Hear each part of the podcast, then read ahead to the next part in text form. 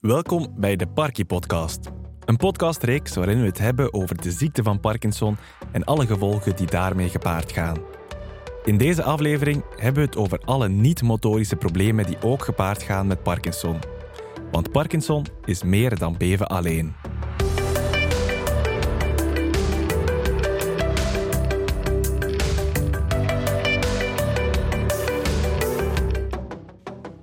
In de eerste aflevering kwam aan bod wat de ziekte van Parkinson exact is. Het is dus een neurodegeneratieve aandoening waarbij dopamine-producerende zenuwcellen in de hersenen langzaamaan afsterven. Wat heeft het als gevolg? Wel, dopamine zorgt ervoor dat signalen worden doorgegeven in het lichaam.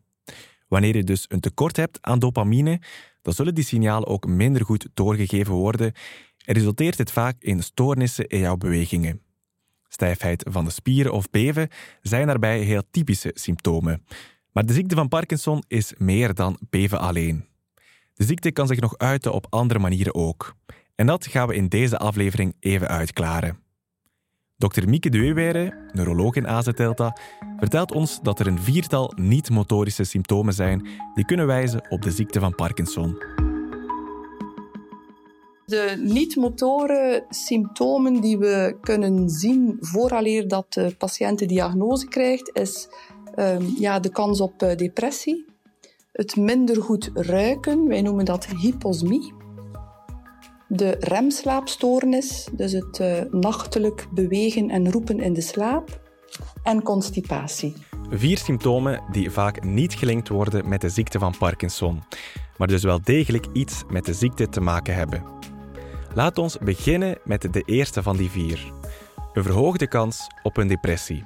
Ja, ik denk dat er heel vaak uh, depressies worden gezien. En het is ook zo dat um, de depressies eigenlijk de motorische symptomen ook vaak kunnen voorafgaan. Dus we zien ook als we de mensen bevragen met een nieuwe diagnose, dat die ook al vaak depressies hebben gehad in het verleden. En dat is eigenlijk ook uh, ja, eigenlijk, uh, voor de ziekte. Dat heeft te maken met een uh, inbalans in uw neurotransmittoren in de hersenen. De ziekte van Parkinson heeft dus een invloed op jouw emoties. Op psychisch vlak kan het dus zijn dat je enkele veranderingen opmerkt. Zo ben je vatbaarder voor een depressie, maar het kan ook zijn dat jij als persoon verandert.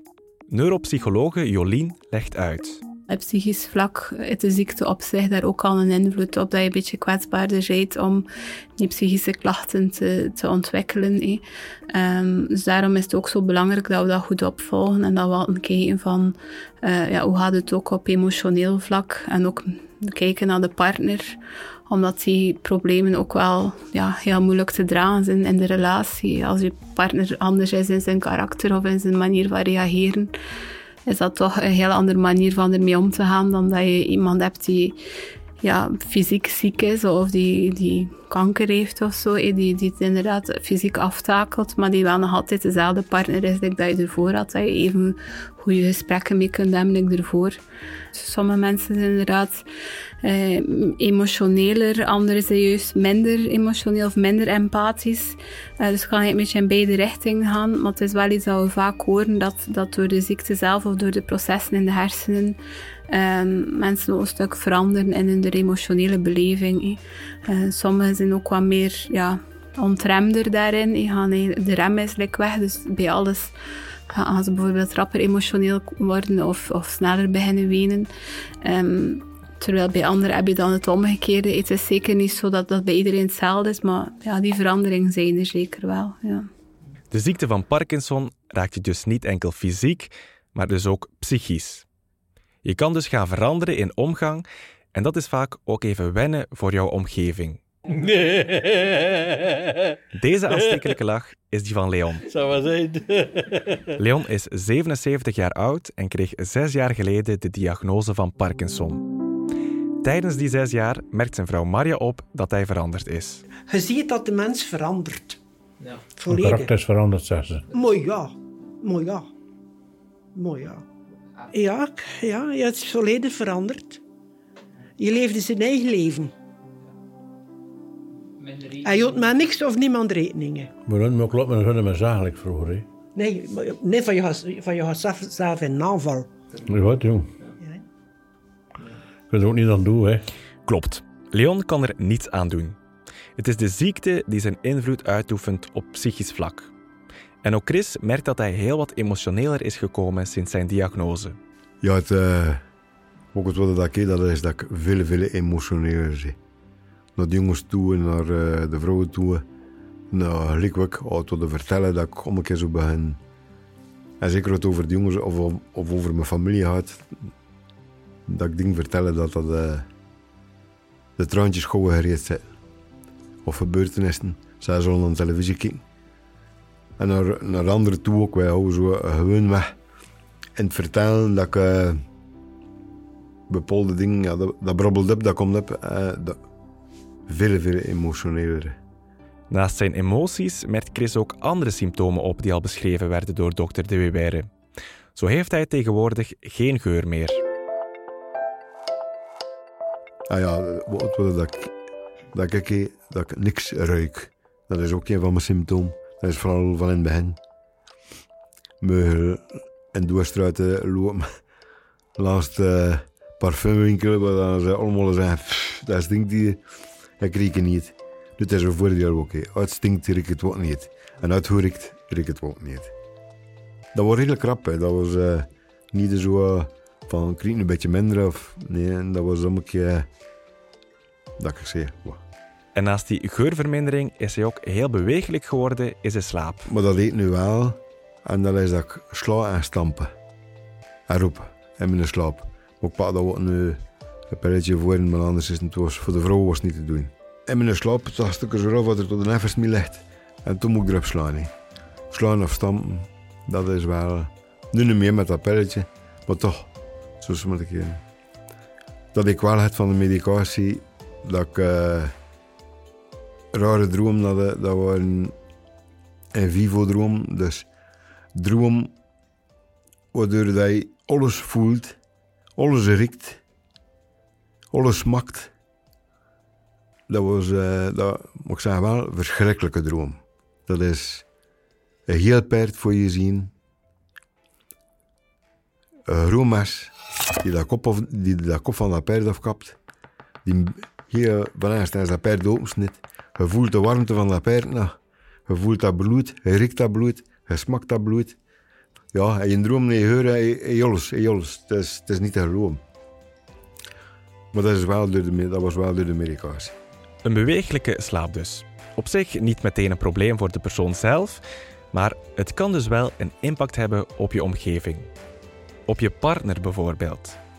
Dat is ook zo bij Laure. Goeiedag, ik ben Laure, 72 jaar en ik heb de diagnose van Parkinson gekregen in 2005, dus als ik 55 jaar was. Laure heeft net als Chris een nogal woelige slaap.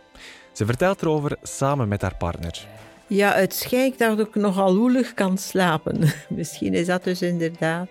En terwijl dat ze slaapt, een keer serieus kan roepen. Maar ik heb gehoord de vorige week bij de dansles dat er daar nog personen waren met hetzelfde allez, Parkinson, uh, die dat ook hadden. En ik weet daar dus niks van. Hè? Nee? Niet als ik even gedroomd heb, niet als ik geroepen heb. Uh... En dromen, dat is er ook bij. En vraag mij dus, niet, en wat vertellen en zo. Ik zou het niet kunnen maar, vertellen. En als ik dan zeg, ja maar, hè, een keer schud, dan uh, wordt er niet op gereageerd, dus dan slaapt ze gewoon verder. Een woelige slaap. Het is niet meteen iets wat je linkt aan de ziekte van Parkinson, maar het komt dus bij heel wat patiënten voor. Als het te erg wordt, dan kan je gerust jouw arts contacteren en kan die eventueel iets voorschrijven zodat dit vermindert. Net zoals bij Chris. Er passeerden dus al enkele niet-motorische symptomen. Een verhoogde kans op depressie, geurverlies, een woelige slaap. Maar Laure heeft het over nog eentje. Ja, constipatie. Dat is al eigenlijk langere tijd mijn probleem geweest. Ja. Ik neem extra vezels, extra fruit morgens. En dat helpt meestal wel. Zodat je het weer eens een dag of twee vergeet en een keer een vlug ontbijt neemt in plaats, voor in plaats van er je tijd voor te nemen. Dus ja. En die constipatie is een belangrijke. Want het kan een impact hebben op alle andere symptomen. Het schijnt dat dat dus zorgt dat je medicatie minder goed opgenomen wordt. Dus is het wel belangrijk dat we er eigenlijk op letten. Constipatie is dus een symptoom dat je als patiënt zeker niet mag negeren. Want het kan een impact hebben op je volledige lichaam. Parkinson-verpleegkundige Stefan van de Kinderen legt uit hoe dit komt. Constipatie komt ja, toch heel vaak voor bij, bij Parkinson. Ja, te wijten aan een, een vertraagde uh, maag- en darmlediging. Uh, alles wordt trager, dus ook de darmen. Uh, belangrijk omdat ja, de medicatie ook opgenomen wordt in de darmen. En uh, als die darmen eigenlijk geblokkeerd zijn of, of niet goed werken, dan wordt de medicatie ook minder snel opgenomen. Dus een goede darmwerking is heel belangrijk. Um, we proberen dat wel te doen met, met wat ja, eh, huis- en tuinmiddeltjes. Uh, en dan lukt dat niet, dan proberen we wel wat iets uh, andere medicatie te geven. Dus kan goed verholpen worden, maar komt heel vaak voor bij mensen. En mensen hebben ook vaak diarree, maar soms is dat soms te wijten aan constipatie, omdat ze eigenlijk zodanig verstopt zijn dat er toch diarree kan zijn. En, en dan kom je in een straatje dat, dat dus toch vaak opgenomen worden in het ziekenhuis. Dus uh, ja, die constipatie is heel belangrijk. Er wordt ook nu wel meer een link gelegd naar uh, de darmhersenen, de brain-gut-theorie noemen ze dat. Dat Parkinson eigenlijk zou ontstaan in de, de darmen. En ja, er wordt daar heel veel onderzoek naar gedaan. En er zou een lichte ontsteking van de darmen zou eventueel kunnen na lange tijd toch wel eventueel de kansen op Parkinson vergroten. Dus dat wordt heel goed onderzocht en uh, daar is het laatste nog niet van gezegd. Stopt het lijstje dan na constipatie? Wel, niet echt. Parkinson uit zich bij elke patiënt op een andere manier.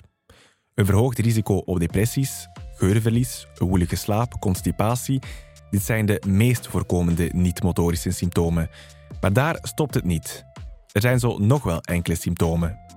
Maar vooraleer we nog enkele voorbeelden geven, misschien toch nog even ingaan op wie die symptomen allemaal ervaart. Het is belangrijk om te weten dat je als patiënt niet alle symptomen hoeft te krijgen. Elke patiënt is uniek en ervaart de ziekte van Parkinson dan ook op zijn of haar manier. Daarnaast is het ook zo dat deze symptomen in het begin, in de eerste jaren na de diagnose, vaak niet zo intensief aanwezig zijn. Naarmate je ouder wordt en langer met de ziekte van Parkinson leeft, zullen deze symptomen wel meer en meer opkomen. Daarom is het belangrijk dat je de symptomen altijd goed bespreekt met je arts of deskundige. Want vele van die symptomen en kwaaltjes kunnen goed behandeld worden. Zit er dus zeker niet mee in om erover te praten met je arts. Wat vaak ook iets moeilijker gaat voor iemand met de ziekte van Parkinson, is multitasken. Verschillende taken tegelijk doen vergt dan te veel concentratie. Chris ervaart dit bijvoorbeeld bij het koken de tijd dat het tot de moet opstaan niet meer onder controle hebben. Dat is nog niet lang dat ik dat deed. Dat is misschien een maand of twee, drie dat dat nu begint. Dat je die tijd niet meer kan inschatten van... Ik zet er nu de aardappelen op. Ik zet er nu mijn vlees op. Ik zet er nu de groensvoers op. Dat... Uh, omdat dat zo twee, drie dingen zijn met een keer dat je moet pezen en doen. Dat is vooral... Stief duidelijk bij mij dat ik twee taken niet kan twee taal met een keer. Vinden kun je twee taal met een keer zeggen ze, maar voor mij is het effectief. De telefoon pakken, de telefoon moet al met de speaker aan, en ik moet het wat opschrijven. Maar ze me niet vertellen dat ik ga aan het schrijven dat gaat niet. Moet wel één ding met een keer. En er zijn ook nog andere, meer lichamelijke klachten. Bijvoorbeeld bij de 37-jarige Anne. hallo, ik ben Anne. Uh, ik word 37 jaar. Um, ben al voltijds aan het werk en uh, heb een diagnose nu drie jaar gekregen. De ziekte van Parkinson kan ook urinaire problemen geven of beginnende plasproblemen. Ook Anne merkt dit op. Ja, ik heb wel last van plassen op te houden. En dat is ook een van de eerste symptomen dat ik gehad heb van Parkinson achteraf gezien. Um, ja, dat is ook uh, met pilletjes op te lossen. Dat, wel, ja, dat is inderdaad wel iets sociaal gezien die niet zo leuk is. Als je gaat gaan wandelen en dat je weet dat er mensen mee zijn, dat je peest van, oei, kan ik nog een keer plassen in mijn broek of zo? Ah, ja, je ziet 36, 37 jaar, ah, ja, bedoel. Maar Anne is niet de enige die hier problemen mee heeft. Velen herkent het en merkt dat dit ook voor haar een probleem aan het worden is. Ze vertelt hoe ze hiermee omgaat. Um, wat dat de incontinentie betreft, uh, daar kan ik toch wel al van meespreken dat dat toch wel bij mij al toch lichtjes begint toch duidelijk te worden dat dat een probleem zal worden of mogelijk zal zijn. Het is zo, ja, na de zwangerschappen, de vrouwen hebben daar altijd wel een klein beetje last van. En dan doe je bodembekkenoefeningen en zo. En dat helpt allemaal. Maar ehm, ja, sinds kort, zo, ik, ga, al, ik niet zeggen dat ik dat continu heb, maar als ik sport, en dus we moeten heel veel sporten, springen bijvoorbeeld en lopen, dan zou ik wel durven urineverlies hebben. En dan... Uh, ja, heb ik speciale oefeningen. Ook zo'n app, een systeemtje dat je dus oefeningen kunt doen, bodembekken mee kunt, uh, spieroefeningen kunt doen. En dat ding Meta. En ook, eigenaardig genoeg, als je die app erbij neemt en ik uh, zit in een off-moment, dan zijn de scores enorm slecht. Vooraleer ik Vele laat verder vertellen, misschien toch even uitleggen wat ze bedoelt met een off-moment. Wel, wanneer je medicatie neemt, dan zorg je ervoor dat het dopamine-level in je lichaam weer op peil komt. Hierdoor zullen dan ook de symptomen van de ziekte gaan afnemen. Na verloop van tijd is de medicatie uitgewerkt en zakt het dopaminepeil in je lichaam opnieuw, waardoor ook de symptomen zich duidelijker laten merken. Een off-moment is dus een moment waarop het dopaminepeil in je lichaam laag is en de ziekte van Parkinson eventjes vrij spel heeft. Ik geef het woord weer aan Veerle. Als je die app erbij neemt en ik uh, zit in een off-moment, dan zijn de scores enorm slecht. Dus, en als ik in een gewoon goed moment ben van de dag en ik doe dan die oefeningen, dan scoor ik enorm goed. Dus daaraan zeg ik van, wow, er, er is, is geen geen probleem met mijn bodembekkenspieren. Er mankeert niks aan mijn bodembekkenspieren. Gelukkig maar, hè, tot nu toe. Hè. Uh, maar het is dus louter te maken met de Parkinson. Misschien ook wel handig om te weten over welke app het exact gaat. De Elvi-trainer. En ik kan eigenlijk veel vrouwen dat aanraden. Dat is zo'n soort ja, bolletje, laten we zeggen dat, dat je dus binnenbrengt en dan meet dat bolletje, zit daar een soort sensor in, die de druk voelt. Dus en dan moet je die oefeningen maken. Dus die app toont je dan bepaalde oefeningetjes aan de hand van pijltjes en dingetjes. Dan moet je spannen, lossen, spannen, lossen, om een keer aanhouden uh, en dergelijke meer. Allerlei verschillende oefeningen. Een training van een vijftal minuten is dat. Uh, en ook de kracht wordt gemeten. En, ja, en, zo. En, en ik zie echt wel pieken en dalen. Dus dat, dat, is, dat is, geen, dat is geen, geen normale incontinentie zoals een andere vrouw die gewoon haar bodembekkenspieren niet meer werken. Dat, dat is gewoon continu uh, laag of hoog. Het is dus belangrijk om zoals Veerle te luisteren naar je lichaam en ook te gaan kijken of de ziekte van Parkinson aan de basis kan liggen van enkele kwaaltjes. Twijfel je hierover? Neem dan gerust contact op met je arts. In de volgende aflevering nemen we de auto. Tenminste, als dit nog mag. Want na de diagnose moet je als Parkinson-patiënt in principe meteen je rijbewijs inleveren. Dit betekent echter niet dat je nooit meer met de auto mag rijden. In de volgende aflevering vertellen we je er alles over.